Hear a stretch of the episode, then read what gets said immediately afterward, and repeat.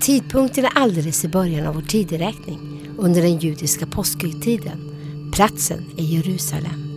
Det som såg ut att bli ett brutalt slut för Jesus som påstod sig vara Messias, Guds son, världens frälsare blev till historiens största seger, helt utan jämförelse med något annat.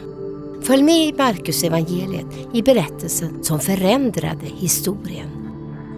Del 5 av 7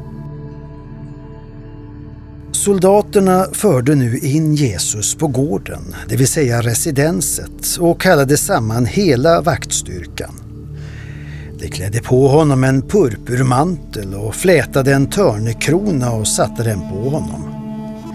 Sedan hälsade de honom. Leve judarnas konung!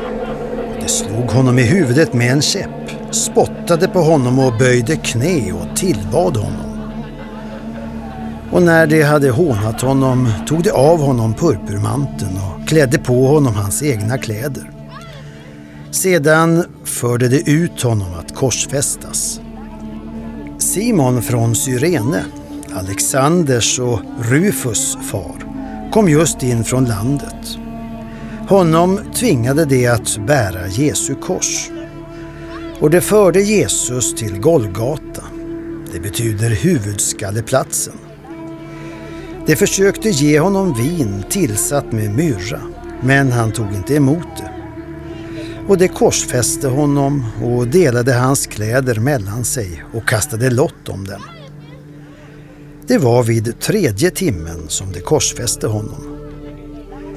På anslaget stod vad han var anklagad för, judarnas konung. Tillsammans med honom korsfäste de två rövare den ene på hans högra sida, den andra på hans vänstra. Det som gick förbi honom hånade honom och skakade på huvudet och sa Se på den! Han som skulle bryta ner templet och bygga upp det igen på tre dagar. Hjälp dig själv och stig ner från korset. På samma sätt gjorde överste prästen och det skriftlärda narr av honom och sa Andra har han hjälpt, sig själv kan han inte hjälpa. Messias, Israels konung. Han borde nu stiga ner från korset så vi får se det och tro. Också det som var korsfästa tillsammans med honom smädade honom.